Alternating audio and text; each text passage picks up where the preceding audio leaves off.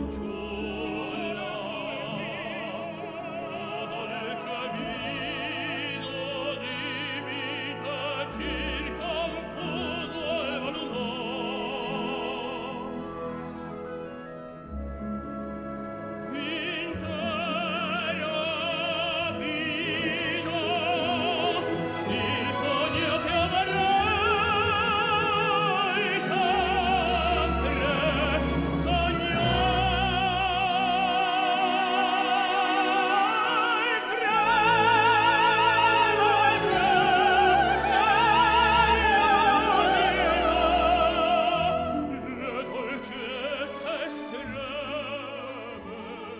Mennesker dør og regjeringer skifter, men La Bohemes melodier vil leve for alltid. Det skrev Thomas Alva Edison fra det laboratoriet hvor han fant opp lyspæren, videokamera og telefonen. Og han skrev det til sin venn, komponisten Giacomo Porcini. Og fram til i dag, i det minste, har Edison fått rett. Porcinis La Bohème er en av verdens aller mest spilte operaer. Den er B-en i operaverdens ABC, der A er Aida og C er Carmen. Hvorfor så mange elsker dette verket, skal vi se nærmere på i denne episoden av Operaen på øret, som dreier seg om den norske regissøren Stefan Herheims nå klassiske, men likevel innovative tolkning av La Bohème fra 2012. Og jeg som har fått gleden av å snakke om dette, heter Hedda Høgåsen Hallesby og jobber som dramaturg for Nasjonaloperaen.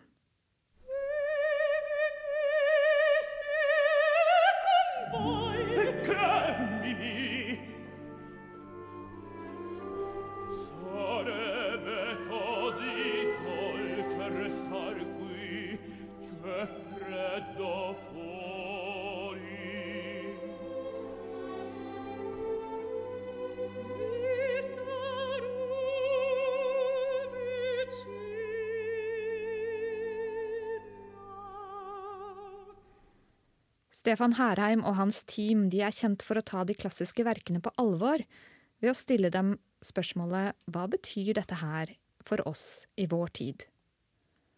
Og da de stilte det til La Bohème, så fikk de til svar at denne operaens udødelighet fletter seg inn i handlingen, som også er en historie om liv og død, om å ta farvel og gi slipp, men også om å gjenskape og vekke til live.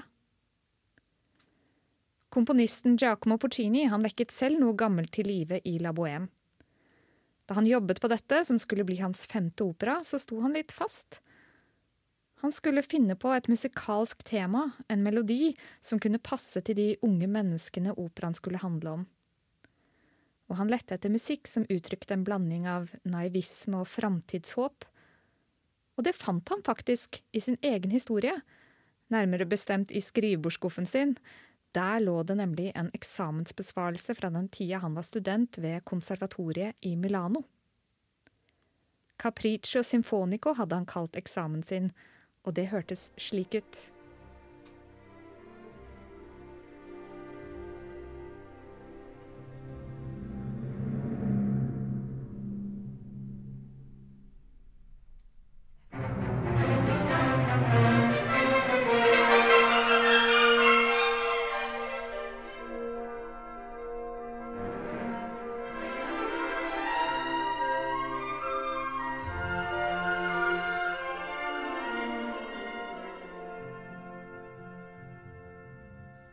Denne musikken har et tema, en melodi, som er markant og punktert, men leken og livlig, karakterisert av et tonesprang som vi kaller en liten septim. Det er det samme spranget som åpner sangen Somewhere i Bernsteins West Side Story. Det er et intervall som vil videre, som er fullt av energi, uro og kraft, akkurat som de unge boemene som Porcini skulle portrettere. La Bohème er en opera om en gruppe ungdommer, en gjeng kunstnere, på et loft i Paris på 1840-tallet. Vi kaller dem bohemer fordi det var det man kalte kunstneriske rebeller på den tida, datias hippier om du vil. Og de unge, noe naive kunstnerspirene, de varmer seg på kunsten, håpet og på kjærligheten i et bitende kaldt Paris. Og det musikalske temaet fra Puccinis egen energiske ungdom, det dukker opp allerede i første scene, når to av disse unge, poeten Rodolfo og maleren Marcello, interessant nok diskuterer hvordan deres liv og erfaringer flettes sammen og inn i den kunsten de selv produserer. Selv om kunst og virkelighet henger nært sammen, så skal jo også kunst skape liv ut av noe som ikke finnes. For eksempel hadde Porcini aldri vært i Paris da han komponerte denne operaen. Han kjente overhodet ikke til det livet som blir beskrevet her, da han i 1880-åra satt i Torre de Lago i Italia og forestilte seg kunstnernes og kjærlighetens by, Paris.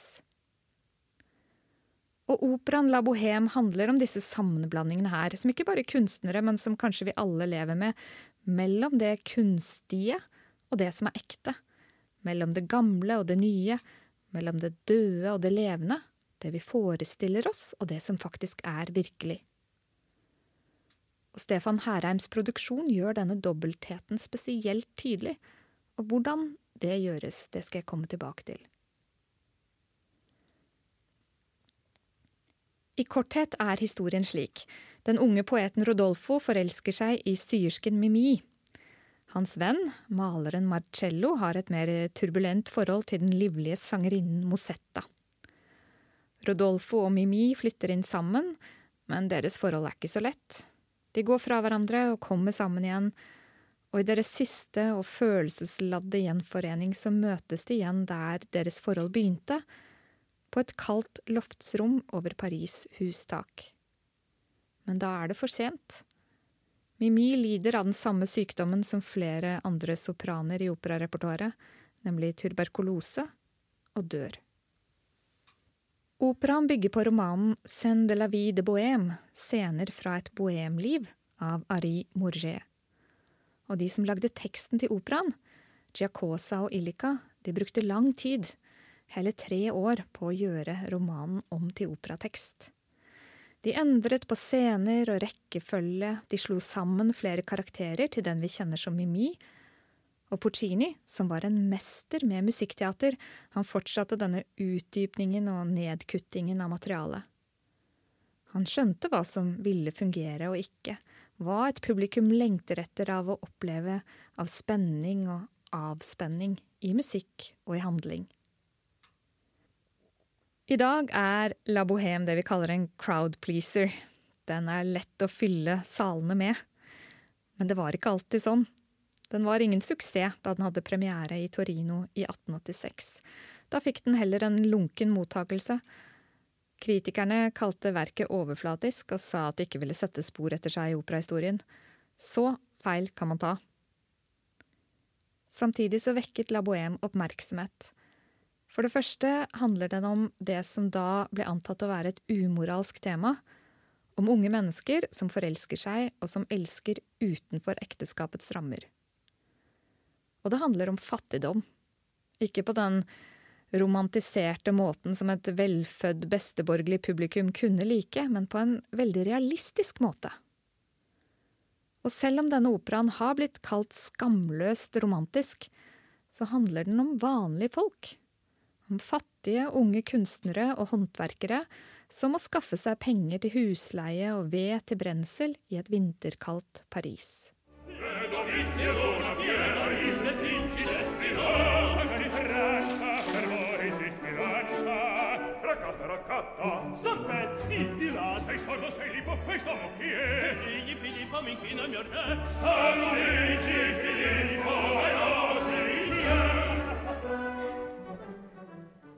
I lang tid, og da snakker vi om århundrer, så var det konger og dronninger, guder og gudinner som fylte operascenene.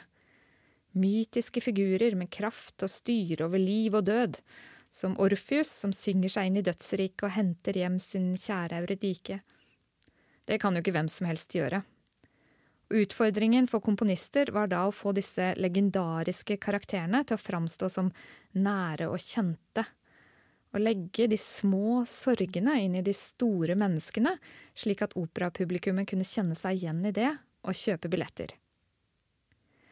Men etter hvert som opera ble en mer folkelig og populær kunstform, så endret dette seg. Og med realistiske karakterer så kom en rekke nye utfordringer. Ingen visste det bedre enn Giacomo Puccini. Han sa at hans suksess kom av at han la de store følelsene inn i de små menneskene. Puccinis operaer viser at på et eller annet punkt i livet så gjennomgår mennesker overalt lignende erfaringer. Erfaringer av kjærlighet, misunnelse, tap og sorg. Og gjennom musikken sin så klarte han å formidle de unge bohemene i Paris sine bittersøte erfaringer i møte med livets realiteter. Og det tror jeg er forklaringen på La Bohems enorme suksess. Og vi vekker dette til live i dag gjennom å leve oss inn i det og kjenne oss igjen i det. Og det er det Stefan Herheim gjør i sin produksjon. Han vekker denne historien til live i vår tid, så vi kan kjenne oss igjen i angsten, sorgen og desperasjonen som kan inntreffe i det man må forstå og skjønne at døden er en uunngåelig del av våre liv. Det gjøres helt konkret i denne produksjonen. Døden personifiseres. Døden lurer bak døra. Han er Benoit, huseieren til de unge kunstnerne. Han er leketøyselgeren, og han er Mosettas aldrende elsker Alcindoro. Eller en tamburmajor som tar Mimi med seg. Alle disse skikkelsene viser dødens tilstedeværelse. I vår tid, i vår del av verden, så er døden lite tilstedeværende for de fleste.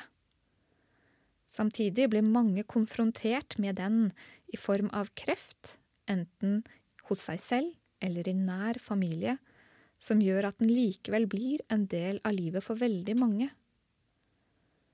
Og Herheims La Bohème handler ikke om tuberkulose, den handler om kreft. Det kan for mange være vondt og nært. Dette er en virkelighet vi kjenner, en virkelighet som løftes opp på scenen slik den gjorde for publikum på 1880-tallet. Samtidig handler dette dramaet om virkelighetsflukt, og her er vi igjen inne på denne sammenblandingen mellom realitet og fantasi, mellom virkelighet og fortrengning, som kanskje er det som gjør livet overlevelig. Rodolfo han opplever sitt livs største tap allerede helt i starten av denne forestillingen.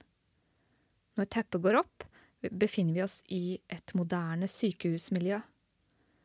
Den hårløse Mimi ligger blek i en sykehusseng, og så flater pulsmåleren ut. Gjenopplivningen mislykkes, og hovedpersonen i dramaet dør før det hele er satt i gang. Musikken starter idet Rodolfo bryter sammen og flykter inn i sin egen fantasi. Han gjenskaper en syk kvinne fra en annen verden, som gjør det mulig for han å ta avskjed med sin kjærlighet, med sin fortvilelse, sitt sinne og sin hjelpeløshet. Og gjennom denne virkelighetsflukten så klarer han til slutt å møte realiteten ansikt til ansikt.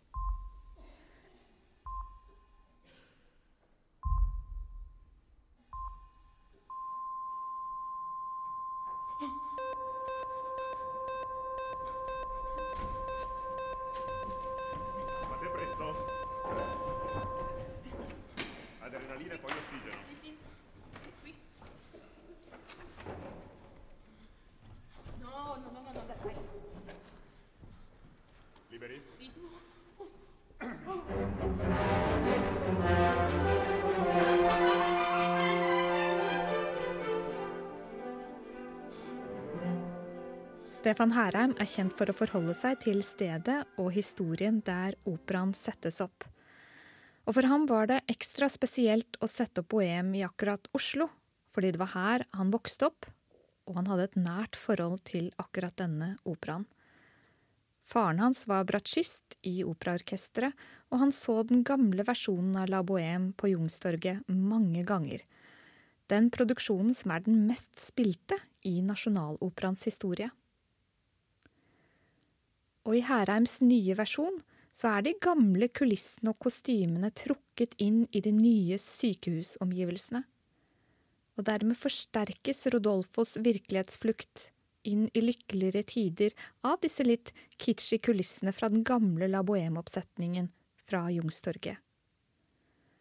Herheim og hans team spiller dermed på nostalgien knyttet til gamle, klassiske oppsetninger, slik som også Bohem i bunn og grunn handler om hvordan vi mennesker tviholder på det vi er glad i, som en kjent og kjær forestilling som har latt oss flykte fra virkeligheten.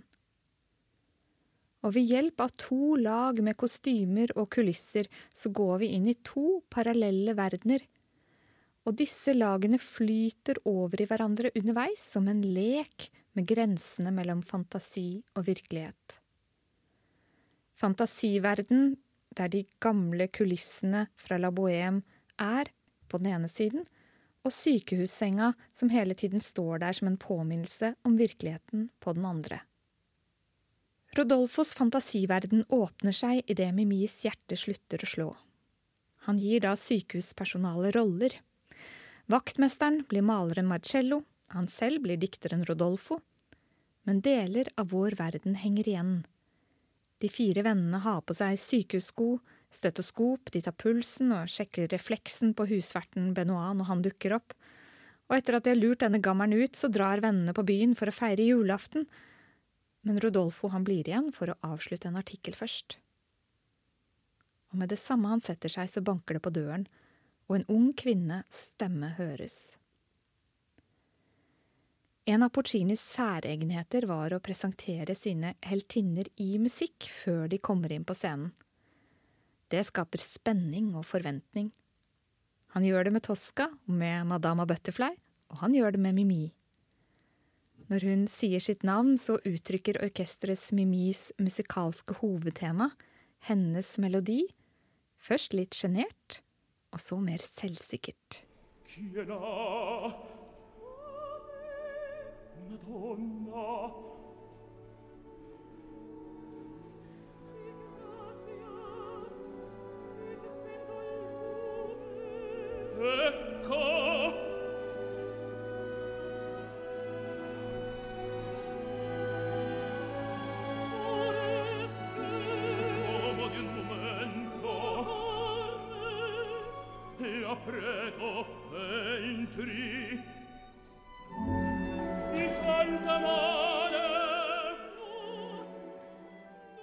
Mimi kommer til Rodolfo fordi hun trenger lys, men mister nøkkelen sin inne hos ham.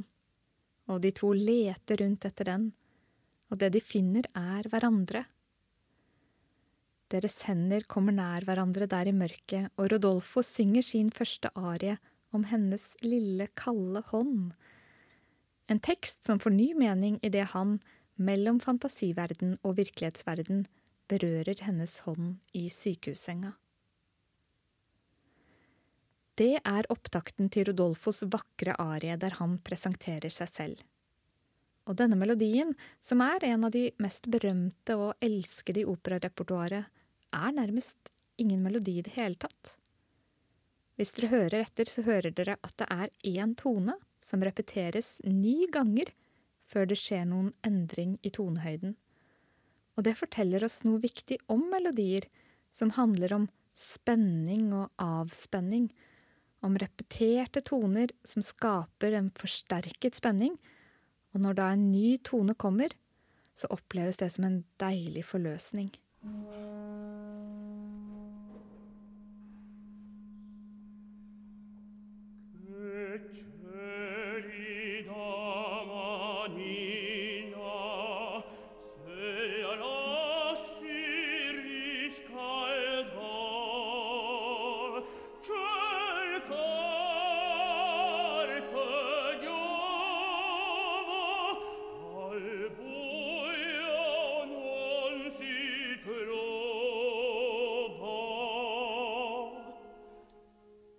Etter Rodolfos arie er det Mimis tur til å presentere seg.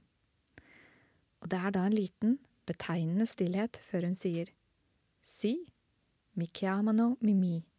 Ja, de kaller meg Mimi, men mitt egentlige navn er Lucia, altså lys.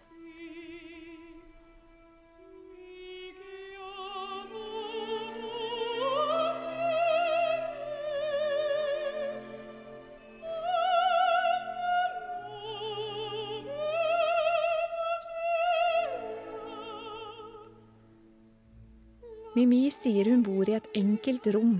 Hun lever stille mens hun syr kunstige blomster, og hun elsker alt sånt som gjør livet poetisk. Hennes fantastiske lange fraser tar dype åndedrag og spenner seg ut over et deilig crescendo i orkesteret. Og de er så vakre at de gjør kjærlighet ved første blikk helt sannsynlig, selv i mørket. Kontraster spiller en stor rolle i all musikkdramatikk, og det er virkelig stor kontrast mellom denne første akten, med det forelska paret på loftsrommet, eller også i sykehusværelset, og den andre akten. Da er det julaften i Paris' gater, og det er folkemengder, korps, barnekor og komikk. Og det er i den akten vi får møte Mosetta.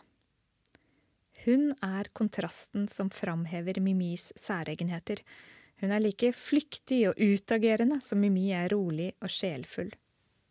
Når Mosetta med brask og bram ankommer restauranten, har hun to tanker i hodet. Det ene er å få eksen Marcellos oppmerksomhet, og den andre er å ignorere den gamle elskeren hun drasser på. Og hun lykkes veldig godt ved hjelp av sin briljante arie Quando me vo, når jeg skrider av sted.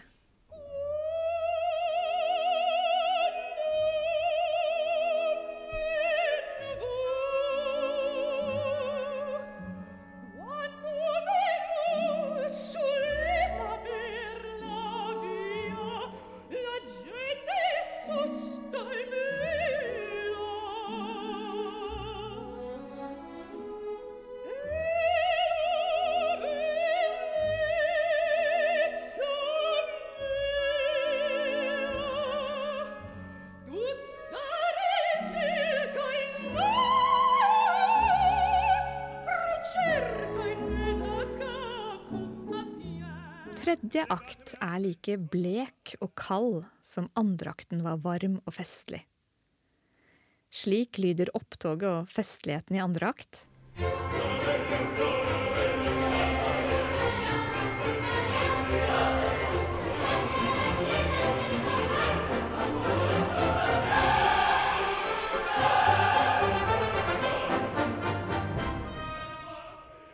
Hør om dere kan kjenne igjen denne musikken når den gjentas i innledningen til tredje akt. Da er den strippet for denne varmen, og den representerer vinterens eller sykdommens ødeleggelser. Dette her er lyden av å være frossen inn til beinet.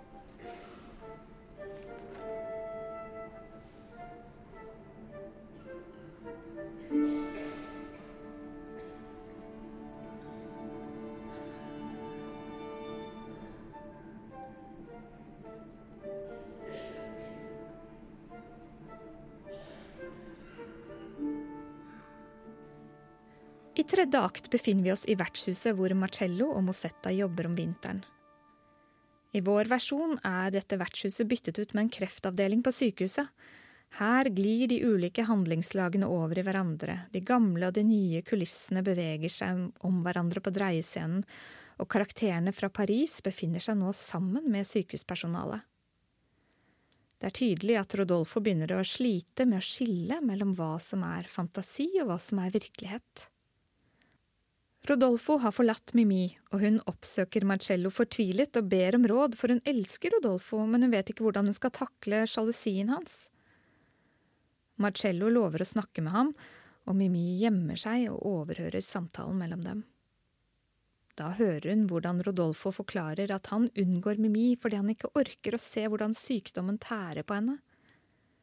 Mimi viser seg og vil ta avskjed med Rodolfo for å gjøre det hele litt lettere for ham men han holder henne tilbake, og de to bestemmer seg for å være sammen til våren kommer, for ensomhet om vinteren er verre enn døden, sier de.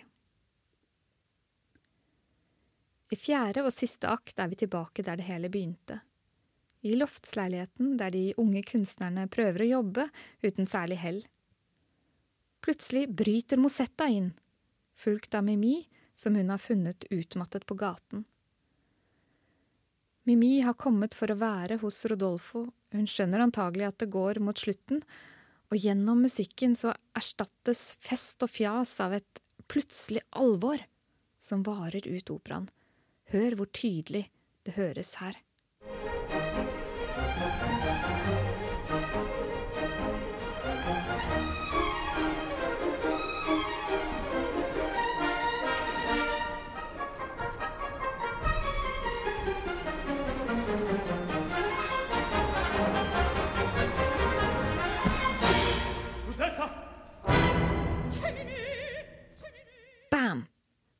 Kom Mosetta inn og tok virkeligheten med seg.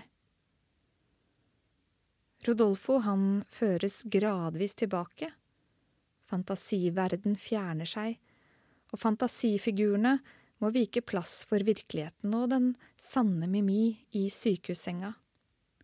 Og han må til slutt erkjenne realiteten og rope ut sin smerte over tapet av den kvinnen han elsker. Jeg har nevnt noen av teknikkene som Porcini bruker i denne operaen.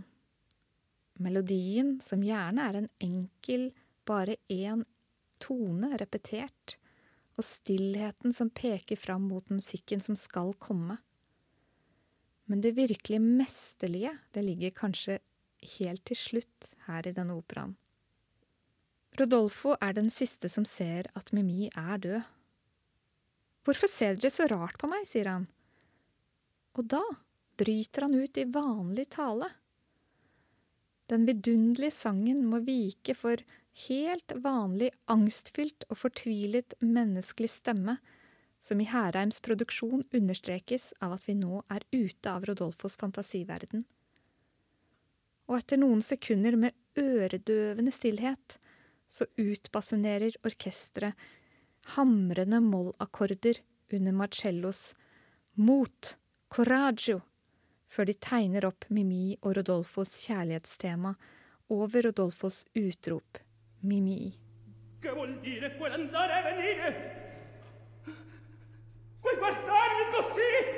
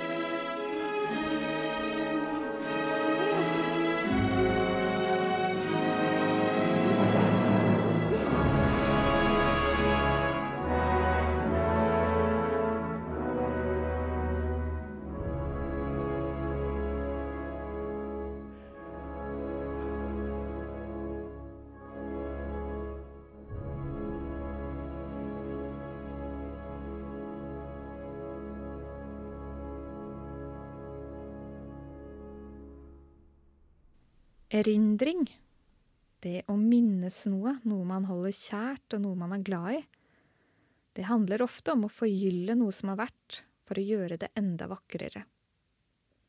Og det er kanskje en måte å komme over tapet av noe som faktisk ikke finnes lenger. Tid som er gått, noe som er foreldet, eller noe som er dødt. Mennesker dør, og regjeringer skifter, men La Bohemes sanger vil leve for alltid. Det sa Thomas Alva Edison. Hvorfor elsker vi La Bohème? Kanskje det er fordi disse melodiene lar oss gå livets harde realiteter i møte i skjønnhet. Og de melodiene, de vekkes til liv når vi synger dem i dag.